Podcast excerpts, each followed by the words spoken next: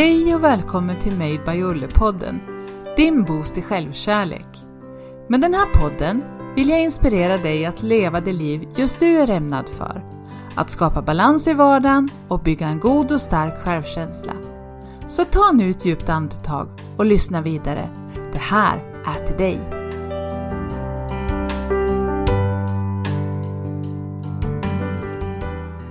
Tänk hörni att vi har redan kommit in i mars och vi har haft en jättefin vårvintervecka här i Gästrikland. Solen börjar värma och det är ljusare längre om dagarna nu. Det är en fantastiskt fin tid vi går till mötes. Och under den här månaden kommer vi ha återhämtning som fokustema här i Made by Ulle-podden. Vi kommer att ta upp ämnen som stress, energi och vikten av återhämtning.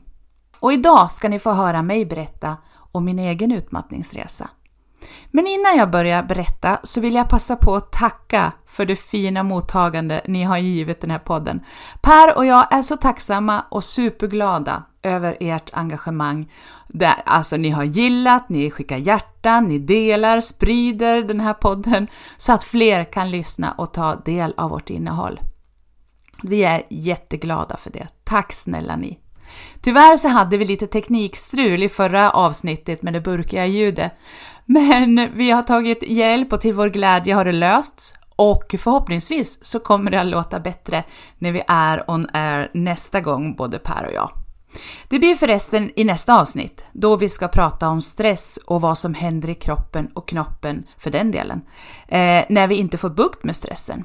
Jag lovar att det blir ett intressant avsnitt där Pers kunnande och erfarenhet i kinesisk medicin kommer väl till pass. Men det blir nästa vecka. Nu vill jag berätta min egen historia. Det var en söndags eftermiddag, mitten av januari 2021. Jag kommer så väl ihåg. Vi hade varit på ett covidanpassat utekalas, det här var ju mitt i pandemin. Och det var när vi kom hem och började planera den kommande veckan med matlista och hur och när träningen skulle ske som jag började känna att det inte stod rätt till i huvudet. Det var som om någon hällde kall havregrynsgröt i hjärnan och drog åt med ett spännband. Det började tjuta i ena örat och jag kände mig yr och fattig på luft. Den kvällen tillbringade jag gråtandes i soffan och det blev startet, starten på min egen utmattningsresa. Jag kommer aldrig att glömma det här tillfället. Det har liksom etsats fast i mitt minne och jag får alltid en klump i magen när jag tänker på det.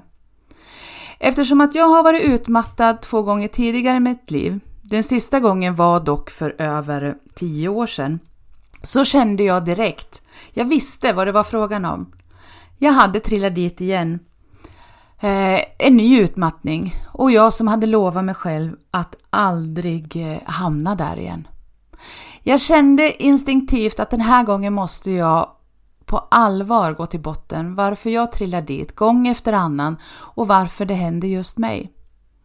Såklart hade ju pandemins framfart, äldre föräldrar, barnens utflyttande satt spår i mig, men jag tyckte ändå att jag hade utkämpat hårdare slag tidigare under åren och ändå stått pall. Så varför just nu? Jag tog i alla fall kontakt med en samtalsterapeut, Björn Rudman, och det blev mitt livs mest välinvesterande pengar.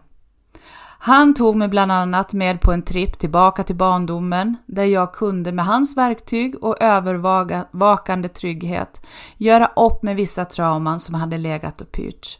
Och någonstans började jag förstå att jag inte levde det liv jag var ämnad för. Där och då började jag läka. En läkning som stundtals fortfarande pågår och som jag ibland återkommer till, men som också blev räddningen för mig. Men det som ofta slår mig idag är, vad hade hänt om jag hade sökt hjälp mycket tidigare för min stress? Mina tankar och känslor, hade det besparat mig ett års lidande både fysiskt och psykiskt, plus det ekonomiska tappet man gör, samt att alla som har varit långtidssjukskrivna vet att det är inte roligt att ha att göra med vare sig sjukvården eller Försäkringskassan. Ja, det är ju omöjligt att säga, men jag är ganska säker på att jag i alla fall inte hade fallit så djupt och så hårt. I alla fall, så den första april så var jag tillbaka på jobbet igen på heltid. Så här i efterhand ser jag hur galet tokigt det var Att gå ifrån att braka i mitten på januari till att jobba heltid igen den 1 april. Men där och då tyckte jag att jag var tillbaka på banan igen. Jag hade samtalshjälp, jobbade med mig själv och det skulle nog räcka som återhämtning. Happ, happ, nu kör vi. Så typiskt Ulle. Och jo då, jag erkänner att det gick bra i två veckor. Sedan började järngröten och trycket kring huvudet göra sig påmint igen. Men jag kämpade på, yogade, mediterade, åt rätt och försökte med på gymmet. Det konstiga var att varenda gång jag började träna eller promenera i rask takt, desto sämre fungerade hjärnan. Det var som om den protesterade högljutt. Men alla råd jag fick angående återhämtning från utmattning sa till mig att träna, promenera, gå i skogen.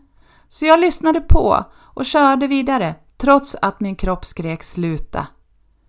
I mitten av maj var längtan att komma ifrån allt och alla så stor att jag tog ledigt några dagar från jobbet och åkte ner till min äldsta son och hans sambo i Småland.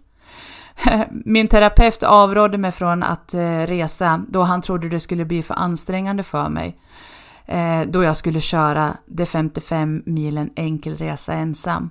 Men jag stod på mig och lovade att jag skulle stanna vid vägkanten och vila om jag blev trött. Som om det skulle ske. Mm visst. Men hur som helst, jag fick några magiska dagar i Kråksjö tillsammans med Gustav och hans Patrik. Jag kände en enorm frihetskänsla i de småländska skogarna. Vi tog stilla promenader, vi åkte flotte på sjön i solnedgången. Kossorna fick höra mina innersta tankar och svarade med ett vänligt råmande. Och en av dagarna, dess försommarvädret var som vackrast, tog Gustav och jag en tripp över till Öland. Bara han och jag. Precis vad ett utmattat mammahjärta behövde. Under de här dagarna kände jag för första gången sedan jag blev sjuk i min utmattning att jag kunde andas igen. Det var läkning på hög nivå. Och när det var dags att åka hem igen så fulgrät jag ända till Vetlanda. Jag var en rödgråten trafikfara i 11 mil. Grabbarna hade gjort en spellista på Spotify till mig som resesällskap och den körde jag nonstop. På hög volym och i takt med att tårarna trillade skrålade jag i duett med Tommy Körberg och Helene Sjöholm. Det är vi ändå. Jag kan inte annat att säga att, att det blev en terapeutisk härdsmälta. Men några dagar efter jag kom hem igen så började jag få utslag på låren. Röda prickar som kliade något så fruktansvärt. Ett tag trodde jag att jag hade fått löss, skabb eller någon annan ohyra. Men när prickarna blev fält och spred sig upp över kroppen förstod jag att det var något annat. Min kropp hade gjort revolution. Sommaren 2021 skulle jag vilja stryka ur historieböckerna. De röda fälten som nu täckte min kropp såg ut som en atlaskarta över kroppen och visade sig vara nässelutslag, eller nässelfeber som det också kallas. Det hade framkallats på grund av att jag inte hade skött om min utmattning och tagit den på allvar. Kroppen hade helt enkelt fått nog, då jag inte lyssnade på varningssignalerna den sände ut.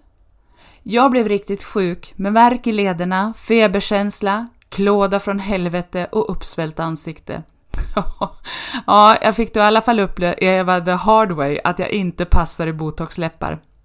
Och vissa dagar satt även utslagen nere i halsen, vilket gjorde att det kändes obehagligt med andningen. Det blev tre starka kortisonkurer och besök på akuten den sommaren. Jag upptäckte ganska snabbt att det minsta stresspåslag eller överansträngning ökar utslagen och sjukdomskänslan. Jag fick ju vara jätteförsiktig med vad jag gjorde och vad jag åt. Det fanns en hel del att läsa på nätet om låghistaminkost. Jag försökte en period att äta mat som innehöll så lite histaminer som möjligt. Jag lärde mig den hårda vägen vad som fungerade för mig och inte. Rött vin till exempel ställde till det och mina läppar svällde upp på ett litet kick. Havregrynsgröt med blåbär blev en räddare i nöden och lika riskakor med Philadelphiaost. Motionen var snudd på obefintlig under den här tiden, för så fort jag försökte mig på en, en powerwalk eller en cykeltur i lagom tempo blev jag sämre. Det var lugn och ro och stillhet som gällde. Och skulle jag iväg på något så var det vila före och efter. Det var verkligen en skittid. Och ju mer frustrerad jag blev över hela situationen, desto sämre blev jag. Här fick jag verkligen jobba på acceptansen. Jag skulle kunna prata så mycket om den här perioden och det kommer säkert mer om den längre fram här i podden. Tyvärr har jag förstått att det här med nässelfeber är ganska vanlig åtkomma vid stress och utmattning. Min läkare på hälsocentralen gav mig inte mycket gehör utan den största hjälpen fick jag på akuten av läkarna där. De sa direkt vad det handlade om och var övertygade om att det var stressen som förorsakat det hela. Eftersom att jag hela tiden var öppen på sociala medier med min resa och det som drabbade mig fick jag ett sånt fint stöd från andra som gått igenom samma sak. Det var många som skrev till mig och det bevittnade om en besvärlig tid även de. En tid som varade allt ifrån några veckor till att hör och häpna år. Men jag kämpade på och sommaren övergick till höst och senare vinter. Och bra precis på årsdagen från min härdsmälta var jag tillbaka på heltid igen. Då hade jag arbetstränat sedan september och sakta byggt upp en stabil grund att försöka sätta ner fötterna på. Jag arbetade åt en statlig myndighet och med den bästa chefen man kan tänka sig ha. Jag är så tacksam över honom och önskar att alla hade den möjligheten att ha en förstående arbetsgivare och chef. Han hade sett till att jag hade fått byta kontor för att lura hjärnan som han sa och inte ramla in eh, i gamla hjulspår. Och det fungerade jättebra. Visst saknade jag mina arb gamla arbetskamrater, men på grund av pandemin så hade vi i alla fall inte setts fysiskt på nästan två år, så vi var redan vana att ses digitalt. Jag kom till en ny stad och fick snabbt nya arbetskamrater som som vänligt tog hand om mig. Jag kände mig välkommen och det var en viktig pusselbit i min rehabilitering. Det värsta av nässelfebern hade vid den här tiden klingat av, men den satt krampaktigt i under sex månader. Nu gavs utslagen bara till känna om inte jag skötte mig med stressen eller sov dåligt. Jag var fortfarande försiktig med vad jag åt för att inte reta histaminet att gå i taket. De verktygen jag hade fått av min samtalsterapeut för att handskas med vardagsstressen tog jag till när jag behövde skingra tankar och känslor. Jag trodde på allvar att jag var i hamn och skulle klara av att hitta en vardag igen. Den vardag jag bryskt hade klivit ur för ett år sedan, den där söndagen i mitten på januari 2021. Tyvärr höll inte min nya grund att stå på mer än ett par månader. Jag hade verkligen kämpat för att komma tillbaka, men jag kände så tydligt att jag var på väg ut för igen och snabbt gick det. Hjärnan började strula, utsag, utslagen visade sig oftare och jag fick inte kroppen att fungera på gymmet. Jag var trött och mentalt låg. Jag kände så tydligt att jag behövde göra en förändring, större förändring i livet. Nu finns det två alternativ, sa jag till min man idag. Antingen säger jag upp mig eller också skiljer vi oss. Kanske lite hårt och brutalt sagt, men jag behövde en förändring och en på cellnivå för att komma till rätta med min utmattning.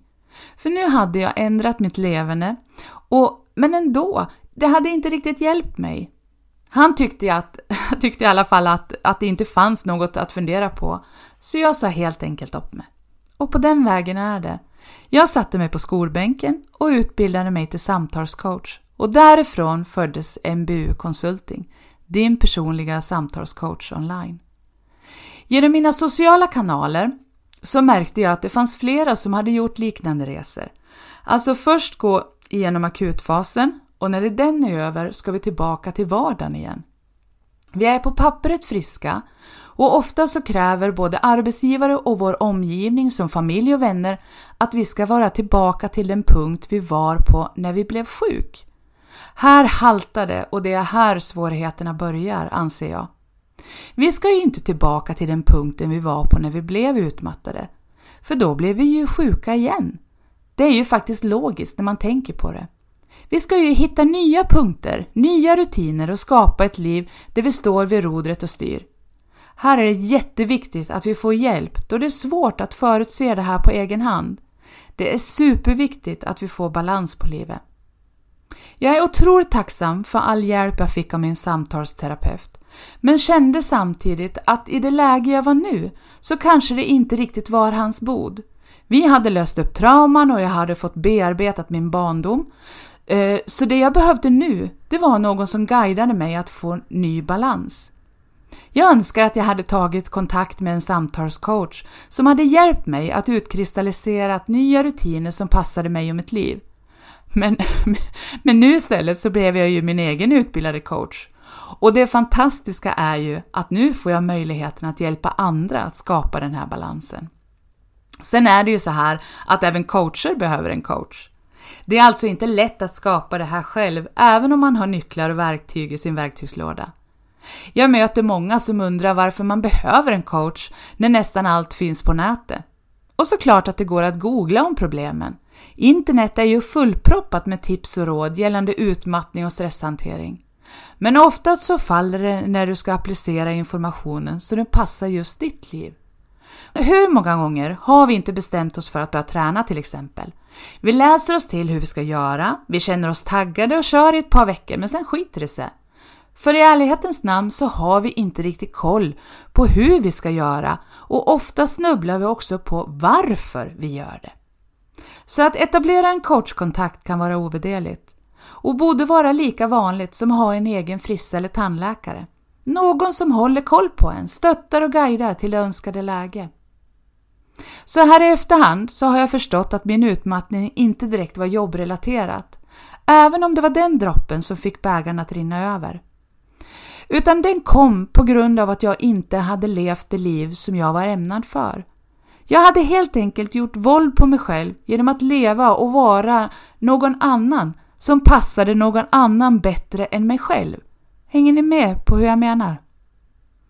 Idag har jag möjlighet att på heltid få göra det jag brinner för. Att bygga starka människor starkare. Min passion är att få inspirera och guida till att få ut det mesta av livet och att ta vara på det. Att genom coaching se människor utvecklas och blomma ut. Att få vara med under processen när självkänslan stärks och självförtroendet pikar, det är en ynnest. Sedan har det här steget jag har gjort även inneburit att jag själv kan bestämma över min tid. Hamnar jag i perioder då hjärnan behöver mer vila, för sådana perioder kommer fortfarande ibland, så finns det den möjligheten. Jag kan träna när jag vill och jag kan jobba när jag vill. Jag är så tacksam och stolt över mig själv som tog mig igenom denna utmattningsresa, som till slut vågade lyssna på mig själv och agera därefter. Och jag är minst lika tacksam och stolt över min man som stöttade mig genom hela helvetet och som vågade välja kärleken och uppsägning. Kom ihåg att vi har bara det här livet, vad vi vet i alla fall. Och se då till att leva det som du vill leva det. Lyssna till dig själv, till din inre röst. För det är du, den du är, som pratar till dig.